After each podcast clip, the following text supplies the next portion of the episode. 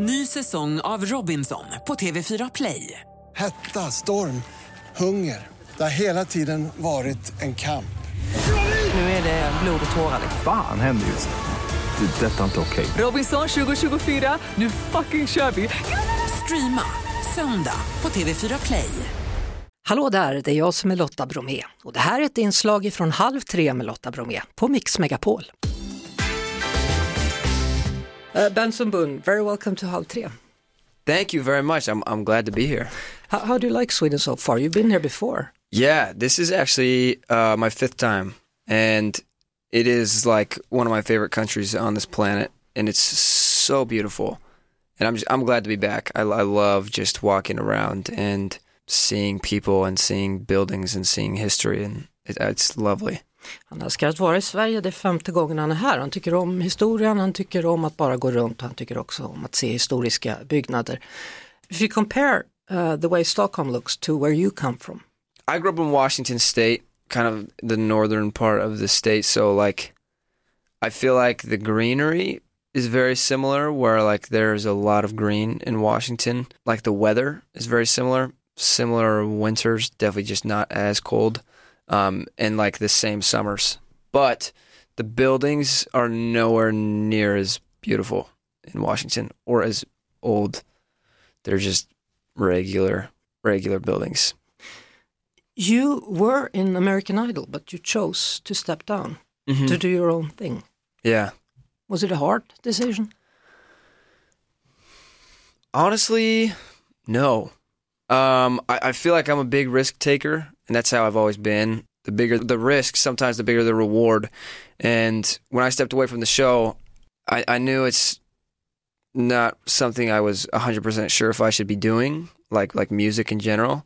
And so, if I wasn't going to do music in the future, why would I do American Idol? And so I stepped away to kind of figure out what was best for me. Hmm. And once I chose to do music, I started writing my own stuff and releasing my own stuff, and that's gone. I mean, far further than I think anything else would have ever gone. Eh, han var ju alltså med då, Benson Boone, i American Idol. Han gjorde en audition som fick både Katy Perry och Lionel Richie att stå upp och jubla. Sen valde han att eh, faktiskt hoppa av, trots att han var bland de 24 som gick vidare då. Eh, han ville helt enkelt bestämma sig för om det var musik som han skulle syssla med. Och frågan är, vad skulle han gjort om han inte då valde musiken till slut? So, so what were you choosing between, like music or Yeah, I was I was going to college and I was studying architecture and interior design because I do art like like drawing, and I, I kind of thought that's where I was going to take my career in the future because I was still new to music, and so I just didn't know if I was going to go for music or just have a you know a more normal job um, because I feel like music's something you kind of have to go all in if you're mm. going to do it. So it was just kind of making that decision to go all in or not. So that explains your interest in our buildings. Yes, they're it's really, truly, they're beautiful.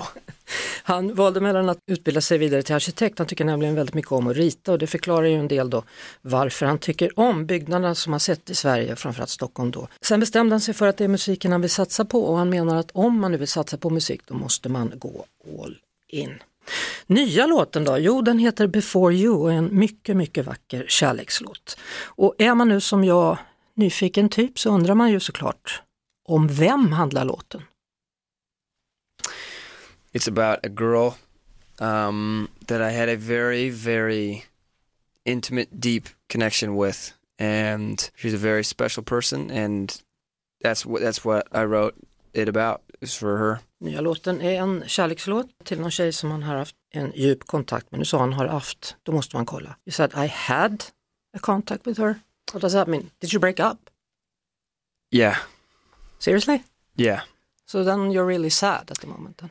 Um, Or is this a long time ago? No, this is uh, this is the first interview I've talked about it, so it's that recent. But yeah, you know, sometimes you can meet someone at the wrong time in your life, even if they're the right person for you. It, it's not always the right timing, and that seemed to be the case. And I'm grateful for the time I had, but before you is is about that experience. Before You heter hans nya singel och den handlar om en relation som inte blev så som man kanske hade hoppats att den skulle bli för det var helt enkelt fel tid när de möttes. I, I love that line and from the moment I looked in those dark brown eyes I can't remember life before you. That's such a beautiful line. I, I agree. That's one of my favorite lines from the song, um, and definitely makes it very personal. Det är alltså en rad i den här sången då som heter Från ögonblicket som jag tittade in i de där mörka ögonen så kan jag inte längre komma ihåg livet innan dig. How are you thinking about love now then? It's Singles Day today by the way. International Singles Day. International Singles Day. Yeah. That's a great question. I don't know. I don't know. I don't know. No. Maybe you can meet up further on the road. Maybe it'll be the right time sometime. Yeah, yeah, agreed. Sorry, this is like Is it hard? Am I am I pushing too hard? no, no, not at all, No. not at all. I I haven't really talked about it at all, really, since it since it happened. So But you have a wish for this song. You you want it to be like a, a new All of Me, John Legend's All of Me, take over and be the new song. Do you understand what I mean? I I very much understand. Yeah. Yeah.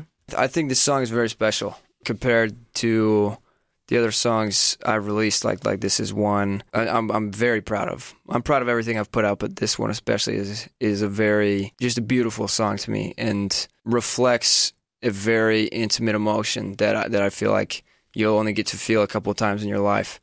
Um, so I I do think this song is and will forever be just a very very meaningful and special song to me. Den här sången är väldigt, väldigt meningsfull. Han tycker att det kanske är en av de bättre sångerna som han har skrivit. Han önskar att det skulle kunna bli en ny All of Me då, John Legends klassiska låt. Så då ska det i så fall vara den här låten som han spelar på bröllop framöver.